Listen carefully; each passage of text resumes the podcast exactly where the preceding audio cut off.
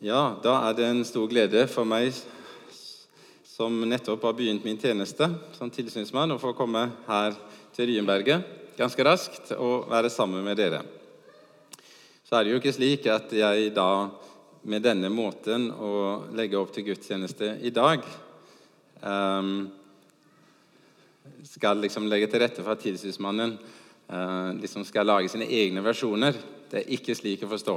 Men vi har hatt en dialog med Eldsterådet om at eh, løfte fram dette med tematikken om, om eh, gudstjenesten. Skal vi bare finne det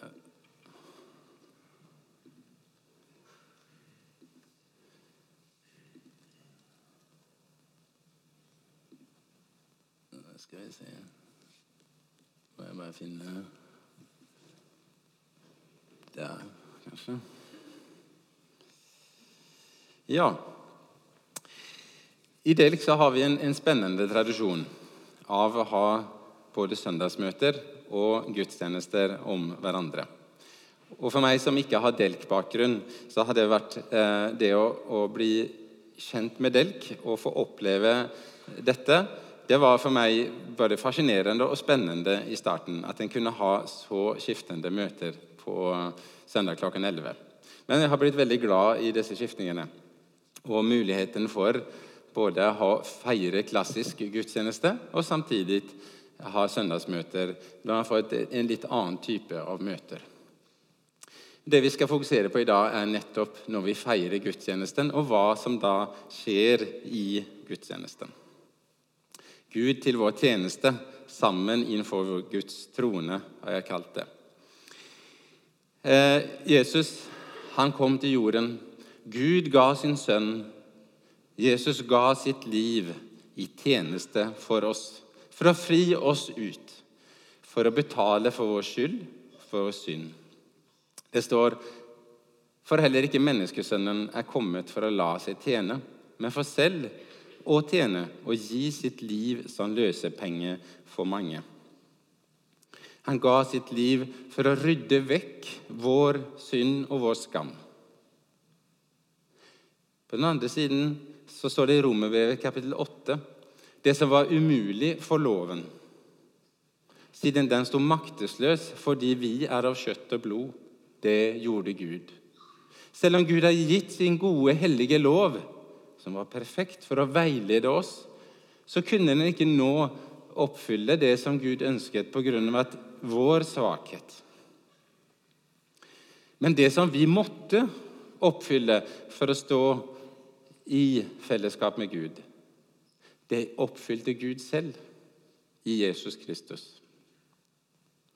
Dermed er vår synd ryddet vekk, og det hellige liv som Jesus levde, blir gitt oss som gave. Slik at det Gud krever av oss, det gir han oss først. Og slik eh, er på en måte hele det arbeid som Jesus har gjort for oss. Eh, det møter oss også i denne dag. Selv nå så ønsker Jesus å tjene oss med sitt liv og gi seg for oss. Jesus er Gud til vår tjeneste. I ham kommer vi sammen innenfor Guds trone med takknemlighet. Når vi møtes til gudstjeneste, så er dette at vi tjener Gud. Det er et viktig aspekt. For så står det i Salme 63 at i helligdommen skuet jeg deg. Jeg så din makt og herlighet. Slik vil jeg velsigne deg hele livet og løfte hendene i ditt navn, står det i salmen. Men enda viktigere er det at Herren selv ønsker å møte oss i gudstjenesten for å tjene oss som det står i det bibelordet vi nettopp har lest. Det var ikke bare da på korset han tjente oss, men nå i dag ønsker han å møte oss på ny, igjen, med får få løfte oss og få gi sitt liv til oss, slik at vi kan få ta inn dette i vårt liv. Så hvordan tjener Gud oss i dag? Ja, forskjellige måter. Han gir oss daglig brød, alt det vi trenger for å leve. Alt det som du og jeg har i livet av vennskap, kjærlighet, omsorg, fellesskap. Det er Guds tjeneste for oss i dag. Hvis vi ser på gudstjenesten, som vi spesifikt skal tenke på nå, om hvordan Gud veileder oss, så er det nettopp at han tjener oss i, gjennom sitt ord, bibellesning, forkynnelse, veiledning han møter oss med sin tjeneste i dåp og nattvær. Og Derfor, når vi tenker gudstjeneste, så kan vi få lov til å tenke at dette er Gud til vår tjeneste. Jesaja, profeten i Gamle testamentet, han møtte Gud i tempelet. Han møtte opp i tempelet mange ganger. selvfølgelig. En dag spesielt fikk han en stor opplevelse. I det året da kong Ussia døde, så jeg Herren sitte på en høy og opphøyd trone, og kanten på kappet hans fylte tempelet. Serafer sto overfor ham. Hver av dem hadde seks vinger. Med to dekket i ansiktet, med to dekket i føttene, med to fløy de. De ropte til hverandre. Hellig, hellig, hellig er Herren Sebaot. Hele jorden er full av Hans herlighet. Røsten som ropte, fikk boltene i dørtersklene til å riste, og huset ble fylt av røyk. Da sa jeg, ved meg, der ute med meg, for jeg er en mann med urene lepper, og jeg bor i et folk med urene lepper. Og mine øyne har sett Kongen, Herren over hærskarene. Da fløy en av serafene bort til meg. I hånden hadde han en glo som han hadde tatt med en tang fra alteret. Og man rørte han ved min munnen og sa, Se, denne rørt ved leppene dine. Din skyld er tatt bort, og din synd er sonet. Da hørte jeg Herrens røst. Han sa, 'Hvem skal jeg sende, og hvem vil gå for oss?' Jeg sa, 'Jeg, send meg'. Dette var Jesajas møte med Den hellige. Han taler slik at Jesaja opplever sin urenhet, at han bor blant et folk som er urent. Men han får møte soning og tilgivelse. Han blir reist opp, og så blir han sendt ut med et oppdrag fra Herren. På mange måter så kan vi få se, se for oss denne teksten som, en, som et bilde av det som er vår gudstjeneste i dag. Gud kommer for å reise opp og for å sende oss. Når vi feirer gudstjeneste, da har vi en liturgi med faste ledd som binder gudstjenesten sammen, men også binder oss sammen. Det skjer ikke så mange store overraskelser i en gudstjeneste. Og Det er nettopp for at vi skal istemme med oss selv og med hverandre i både det å prise Gud og det å ta imot fra Herren. Så er det slik at Liturgi det bygger jo på bibelord, det er bibelord, eller det er bønner som er formet nettopp av bibelord. Slik at språket er kjent. Det er Guds eget ord som blir talt inn og ved liturgien. Det kan vi merke oss når vi går videre fremover i dag. Så det er en veksling mellom prest og menighet. Og dette skal egentlig noen oppleve. Vi tenker av og til slik at ja, presten han er nå der framme, han gjør sin greie og så sitter vi og venter på at det skal bli preken. Da vil Gud tale til oss. Jeg vokste opp. Jeg gikk på gudstjeneste hver søndag. Og jeg må innrømme at jeg gikk på mange gudstjenester uten å egentlig skjønne hva som skjedde. For meg, så når jeg begynte å studere liturgi, det var først da jeg på en måte begynte å, å få, få grep om hva som faktisk skjer i gudstjenesten. Kanskje er det slik også med noen av dere, eller har vært slik tidligere. Vi begynner vår gudstjeneste i Faderens og Sønnens og Den hellige åndens navn, eller noe lignende, hentet ifra Matteus 28. Og vi avslutter den med å bli sendt ut i Guds navn. Guds navn blir lyst over oss, og så blir vi sendt ut i vår hverdag. Og Slik innrammes vår gudstjeneste av den treenige Gudens navn. Dette er Gud til vår tjeneste. Vi samles innenfor Guds trone for å la Ham tjene oss, slik at vi kan bli sendt ut i verden for å tjene ham i våre medmennesker. Der er vår store gudstjeneste når vi tjener våre medmennesker. Til ære for hans navn.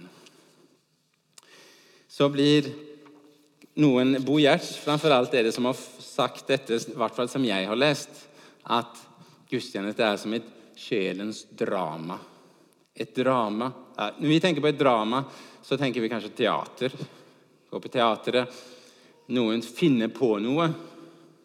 Men når vi feirer gudstjeneste, så er det et virkelig sjelens drama. Et virkelig møte med Gud. Gud inviterer oss til et møte. Så er det ikke slik at det, dette bare skjer i gudstjenesten. Nei, det er jo noe som er en del av vårt kristne liv. Møtet med Gud hver dag.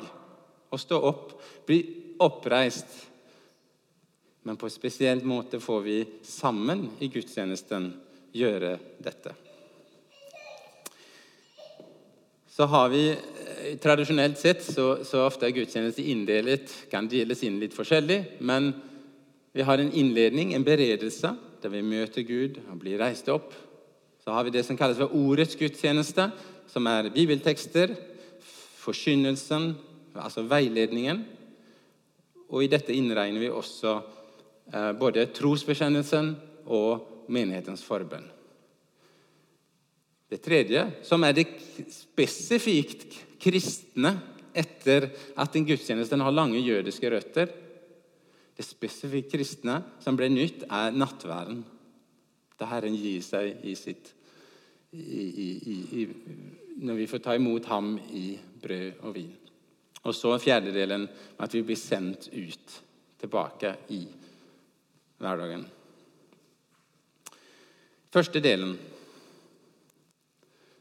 det er beredelsen. Når vi, vi, har forskjellige ord i vår liturgi som, som, kan, som peker på dette, men et av disse ordene er bl.a. dette. I det høye og hellige bor jeg, hos den som er knust og nedbøyd i ånden. Jeg vil gi ånden liv hos dem som er bøyd ned, gi hjertet liv hos dem som er knust kan vi se for oss Jesaja i tempelet. Han får denne opplevelsen av Herren i tempelet. Som det også står, Herren er sitt hellige tempel. Vær stille for ham, hele jorden. Hans høyhet, hans hellighet, hans mektige karakter For Jesaja møte. Og han faller til jorden i en vetskap, en innsikt om at han selv er uren, og hele det folket han bor iblant, er urent. Han blir minnet om dette på ny når han kommer i tempelet. Ved meg der ute med meg, for jeg er en mann med urene lepper. Og den som frykter Gud, kjenner sin synd i møte med en hellig Gud. Samtidig så møter han oss med et løfte som gir frimodighet. Jeg vil gi ånden liv hos den som er bøyd ned, og gi hjertet liv hos dem som er knust. Det er Guds løfte. Den hellige Gud kommer oss i møte med et løfte om at vi ønsker om å reise oss opp. Gud søker fellesskap med meg som syndere. Og Så får Jesaja høre disse ordene. Din skyld er tatt bort, og din synd er sonet. Serafen bringer dette kullet fra alteret brennofferalteret til Jesaja, og la det bli for ham. Rene hans lepper, hans liv. Og så gjelder det for Jesaja. Så blir han reist opp. Så står han ren i møte og frimodig innenfor en hellig Gud. Slik som vi sang rett før vi begynte nå. På grunn av Jesu blod har vi stor frimodighet til å gå helt inn i møte med Gud, hver og en av oss. Et møte med Ham. Frimodighet det handler om å få si alt. Tørre å si alt nettopp slik som det er. Og det er Guds ønske for hver en av oss. At du snakker fritt med Han i ditt hjerte om det som plager deg, og syndens smerte i ditt liv. Det kan tvinge oss på kne i bekjennelse. Og Her har vi også noe av det gudstjenestens historiske røtter, det kroppsspråket som følger med inn i gudstjenesten. For det er ikke bare noe vi gjør med, med vårt hode. Det er med vårt hjerte og med vår kropp. Ånd, sjel og legeme. Med alt oss får vi feire gudstjeneste. Og Derfor har det gjennom historien vært veldig vanlig at i møte med den hellige Gud får lov til å falle på kne. For når jeg kjenner min synd, da må jeg, slik som Jesaja, slik som Daniel, slik som Johannes i åpenbaringsboken, falle ned innfor den hellige. Og kroppsspråket vårt det, det, det er en utlevelse av det som er i vårt hjerte. Uten at det er noen lov om vi må gjøre, så er det noe som vi kan få ta i bruk. Nettopp det å falle på kne innenfor ham.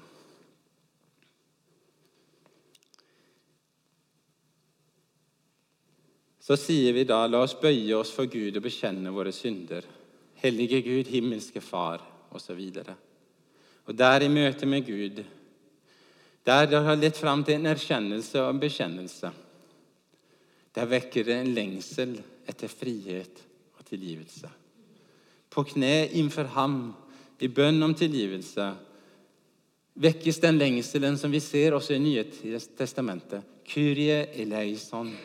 Herre, miskunne deg over meg. Slik som vi ser i tekstene fra Lukas kapittel 17 og 18. Jesus mester, miskunn deg over oss. Eller med andre ord, Gud, vær meg synder nådig.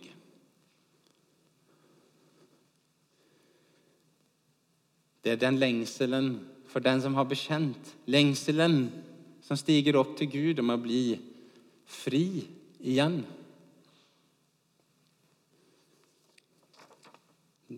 Der, når vi har kommet dit,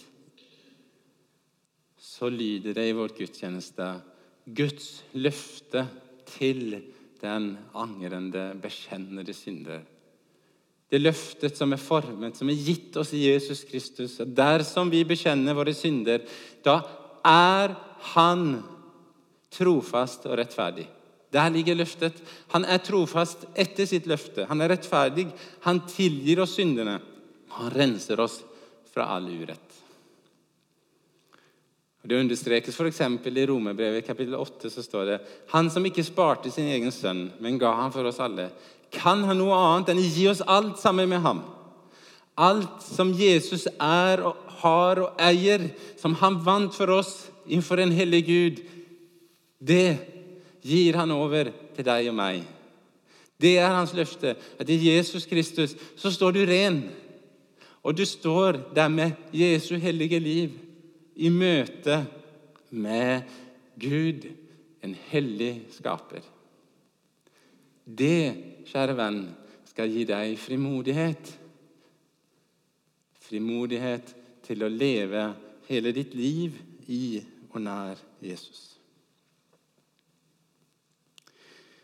så har vi ved noen anledninger, spesielt når det er skriftemål, så har vi også i vår gudstjeneste mulighet for å ta inn dette med absolusjon.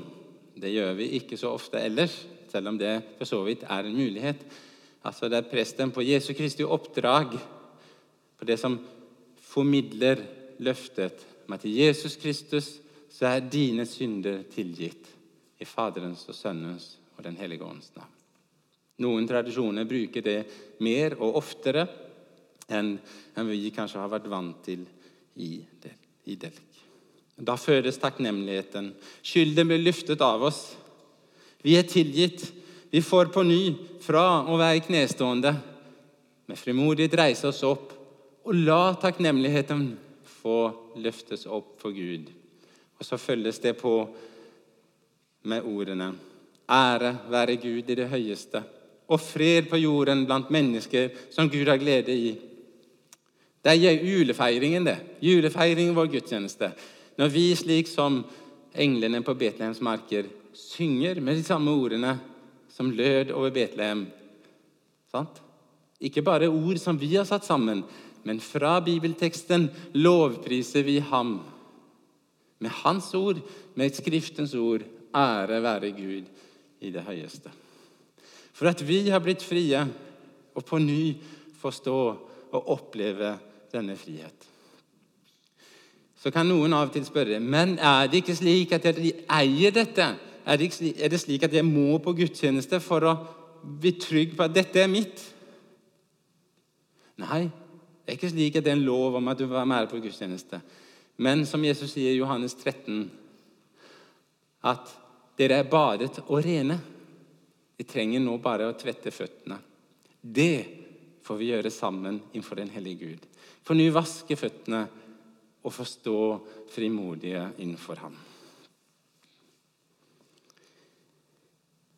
Så har vi fått oppleve det som Daniel og Johannes i åpenbaringsbok får se. De faller på jorden innenfor ham, en hellig Gud. Så kommer han fram og legger sin hånd på Johannes og sier 'frykt ikke'. Reis deg opp. Det er det som skjer for oss. Gud gir sitt løfte, legger sin hånd på oss i Jesus Kristus, og la oss stå innenfor ham. På denne måten har vi gjort den første delen, altså innledningen, beredelsen av vår gudstjeneste. Vi har vært på kne vi har fått kjenne lengselen. Vi får reise oss opp i takknemlighet. Det er sjelens drama. Andre del. Da er vi klar til å gå videre for å høre Guds ord, for å lytte til hvordan Han vil veilede oss i vår tro og i vårt liv. Det innledes med en vi kaller kollektbønn, eller en samlingsbønn. Det er pris og takk til Gud for hans gjerning. Så er det en bønn over søndagens tema. Og det er ofte det skal være kortfastet og klar, slik at det skal være lett å følge. Sant? Det er noe, liturgi noe vi eier sammen, gjør sammen. Selv om det av og til er bare presten som utgir ordene, så skal det være lett å følge. Så sier vi vårt ammen, og det gjør vi ved flere anledninger i gudstjenesten. Og dette ammen er nettopp for at vi skal få understreke at dette er ikke bare prestens liturgi, men det er menighetens liturgi. Jeg sier ammen Altså ja, jeg innstemmer at dette er min bønn. Dette er vår bønn. Dette er vårt felles eie. Så kommer høymessesalmen, som eh, ofte skal svare til dagens karakter og innhold. Og Vi kunne sagt mer om salmer og salmesang i gudstjenesten. Det skal vi ikke gjøre. men Kolossebrev 16 oppfordrer oss. La Kristi ord få rikelig rom hos dere. Undervis og rettled hverandre med all visdom. Syng salmer, viser og åndelige sanger til Gud av et takknemlig hjerte. Og Slik får vi glede hverandre, slik får vi forkynne for hverandre, slik får vi veilede, støtte hverandre også i vår salmesang og sang sammen. Og i dag, så etter hvert, så den salme, høymessesalmen som er valgt i dag, den, den, den, vil spesifikt løfte fram akkurat den teksten da, som de nå samtaler, barna samtaler om der inne i, søndagsskolen i dag. Så fortsetter vi. Vi har eh, tekstlesninger. Eh, tekstlesninger fra Gamle testamentet, brevlitteraturen og evangeliene. Siste årene jeg er ikke helt sikker. Når jeg, når jeg, i hvert fall i begynnelsen jeg var med i Delk, så satt vi ned under tekstlesningene. No, det var noen år tilbake. Så begynte vi å reise oss under tekstlesningene. Og Dette har en god tradisjon, og den bygger på, eh, på skriftord. Nehemia kapittel 8, vers 5 står det Esra åpnet boken foran øynene på hele folket for ham, for han sto høyere enn de andre. Og da han åpnet den, reiste hele folket seg. Det er som den bibelske eksempelforbilden. At når Guds ord blir lest og talt, så reiser vi oss så er det slik at preken av og til kan bli litt lang. og Derfor så sitter vi likevel, da.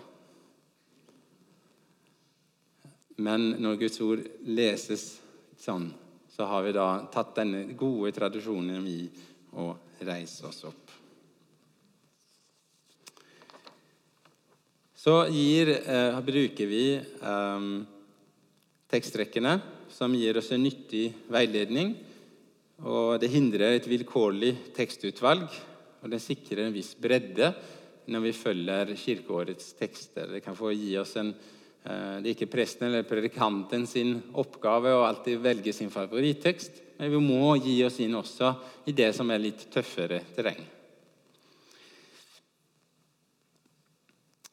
Prekenen følger deretter, som da skal utvikle og, og, og gjøre Forkynnelsen skal tale dette ordet inn i våre hjerter, forklare, veilede. Hva betyr det for oss i dag? Hvordan er Kristus også i dag min gave? Og hvordan vil Guds ord veilede meg i mitt liv? Så skal Kristus fødes i våre hjerter forkynnelsen, slik som ordet ble menneske og tok bolig blant oss, så er det nettopp forkynnelsens oppgave å få være med at Kristus, livet i Kristus blir styrket. At han får leve i våre hjerter. Og hvis vi nå, på denne bakgrunnen som jeg har snakket om, opplever gudstjenesten som et slikt hellig møte og oppløftende møte med Gud, så er det ikke sånn at vi bare behøver sitte og vente på prekenen som vi av og til kan tenke når vi kommer til gudstjeneste. Det er når prekenen kommer, det er da jeg skal være forberedt til sant? Men hvis hele gudstjenesten har fått talt til meg, da sitter jeg ikke bare og venter, men da er jeg med. Og da er jeg også godt forberedt til å la Guds ord få tales til mitt hjerte.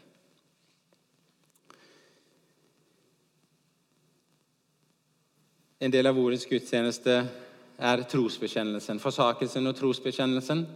Og vi kan si at bekjennelsen det er en, også en lovsang til vår Gud. Hver søndag så kan vi ikke preke hele Bibelens budskap. Sant? Men i trosbekjennelse får vi en sammenfatning der vi sammen bekjenner Gud som skaper. Vi taler om inkarnasjonen, vi taler om korset, oppstandelsen, frelsen og kirken, tilgivelse og det evige liv. Og slik, i bekjennelsen, så forsyner vi det for hverandre. Vi sier tilbake til Gud i lovsang hva Han har sagt til oss om seg selv. Dette er den gode lovsang, at vi priser Ham med hva Han har gjort for oss.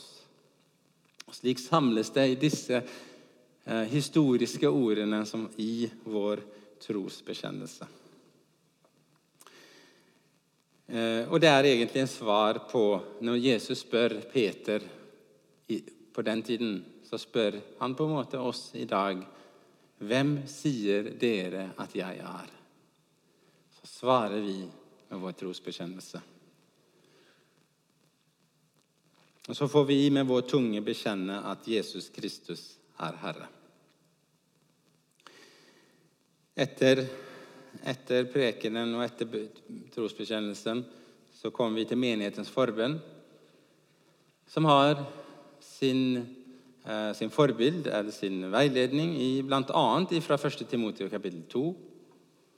Der det står 'Jeg formaner dere' framfor alt til å bære fram bønn og påkallelse, forbønn og takk for alle mennesker, be for konger og alle i ledende stilling, så vi kan leve et stille og fredelig liv med Guds frykt og verdighet i alt.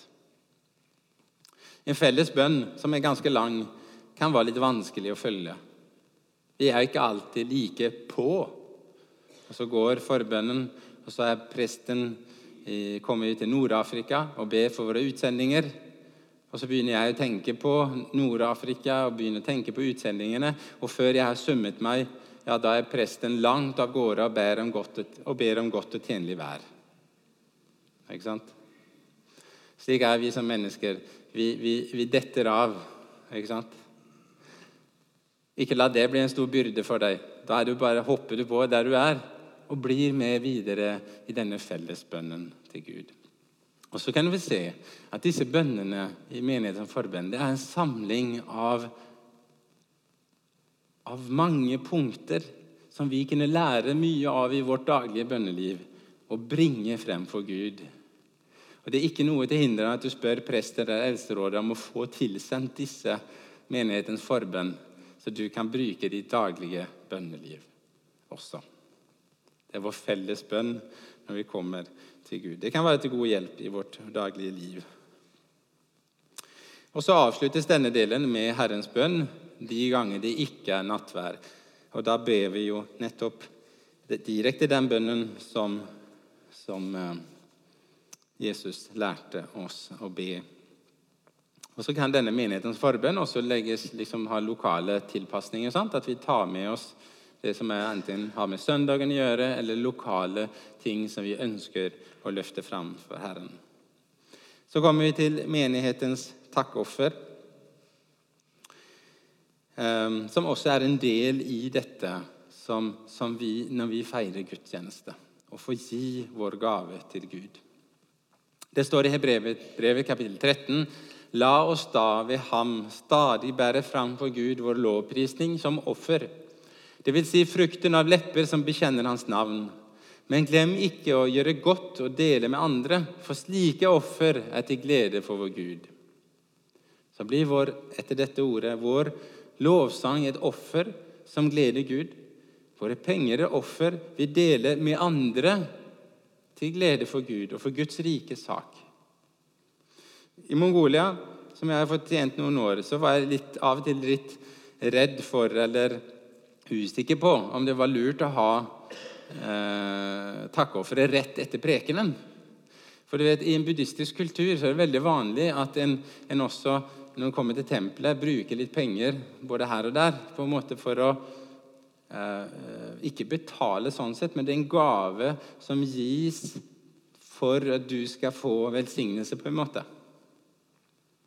Og Det kunne jo være sånn at en da etter prekenen kunne på en måte tenke at en betaler seg, betaler for det en nettopp har hørt. Sant? Og at en får en feil forståelse av hva, hva dette er. Men vi betaler ikke for prekenen vår.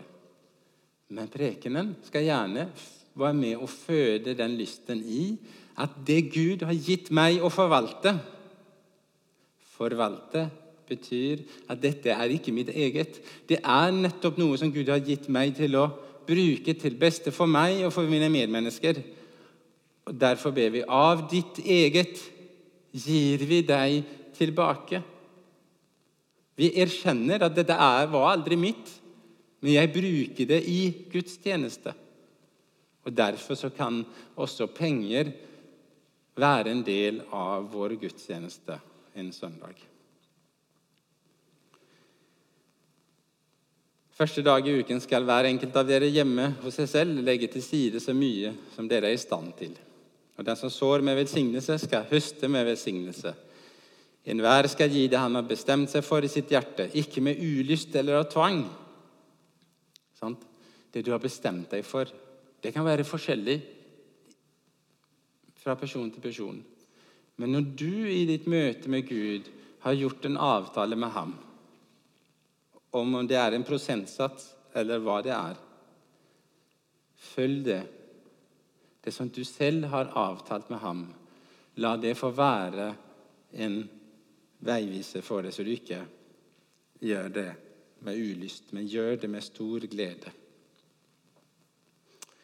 Hva annet har du enn det du har fått? Og har du fått noe, hvorfor skryter du som det ikke var en gave?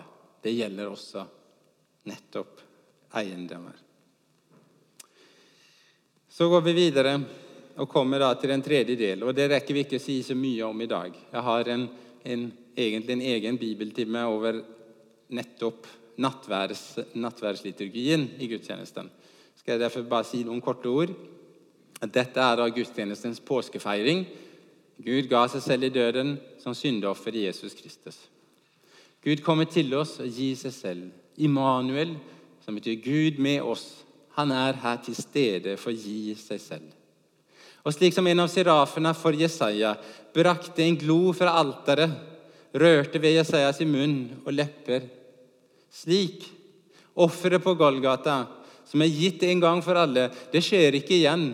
Men fra det offeret som ble gitt, bringes i vår gudstjeneste Kristi kropp og blod inn i brød og i vin, og røre ved våre lepper og ved munn, slik at vi, sammen med Jesaja, kan få høre disse ordene. Din skyld er tatt bort, og din synd er sonet. Fjerde og siste del, velsignelsen. Herrens navn lyses over oss. Så blir vi sendt ut i verden med Guds velsignelse.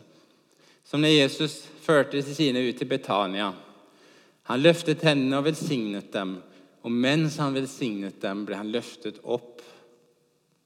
Slik lyses Herrens velsignelse over vårt liv og forkynnes i bibeltekstene, og vi får ta det med oss inn i vår gudstjeneste.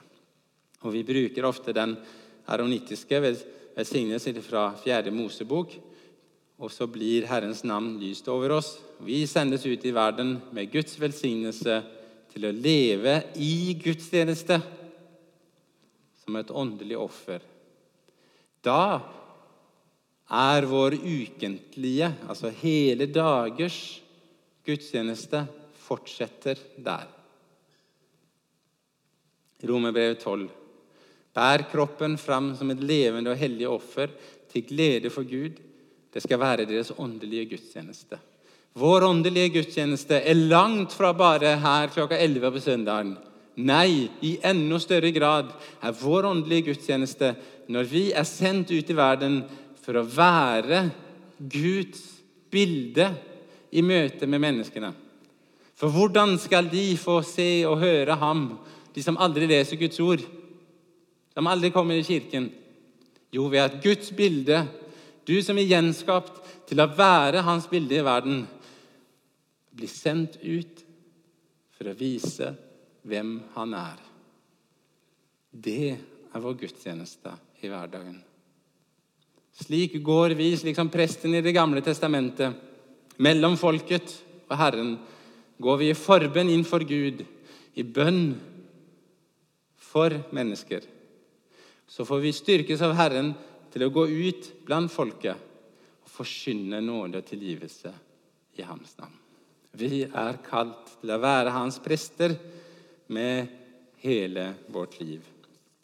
Og slik skal gudstjenesten få hver uke være en samlingspunkt der vi blir styrket nettopp til dette. Der vi får komme med det som uken har gitt av synd og ulykke. Renses, reises opp, styrkes ved forkynnelsen og blir sendt ut på ny igjen. Det skal vi nå få være med om når vi skal feire gudstjenesten sammen. I Jesu navn. Amen.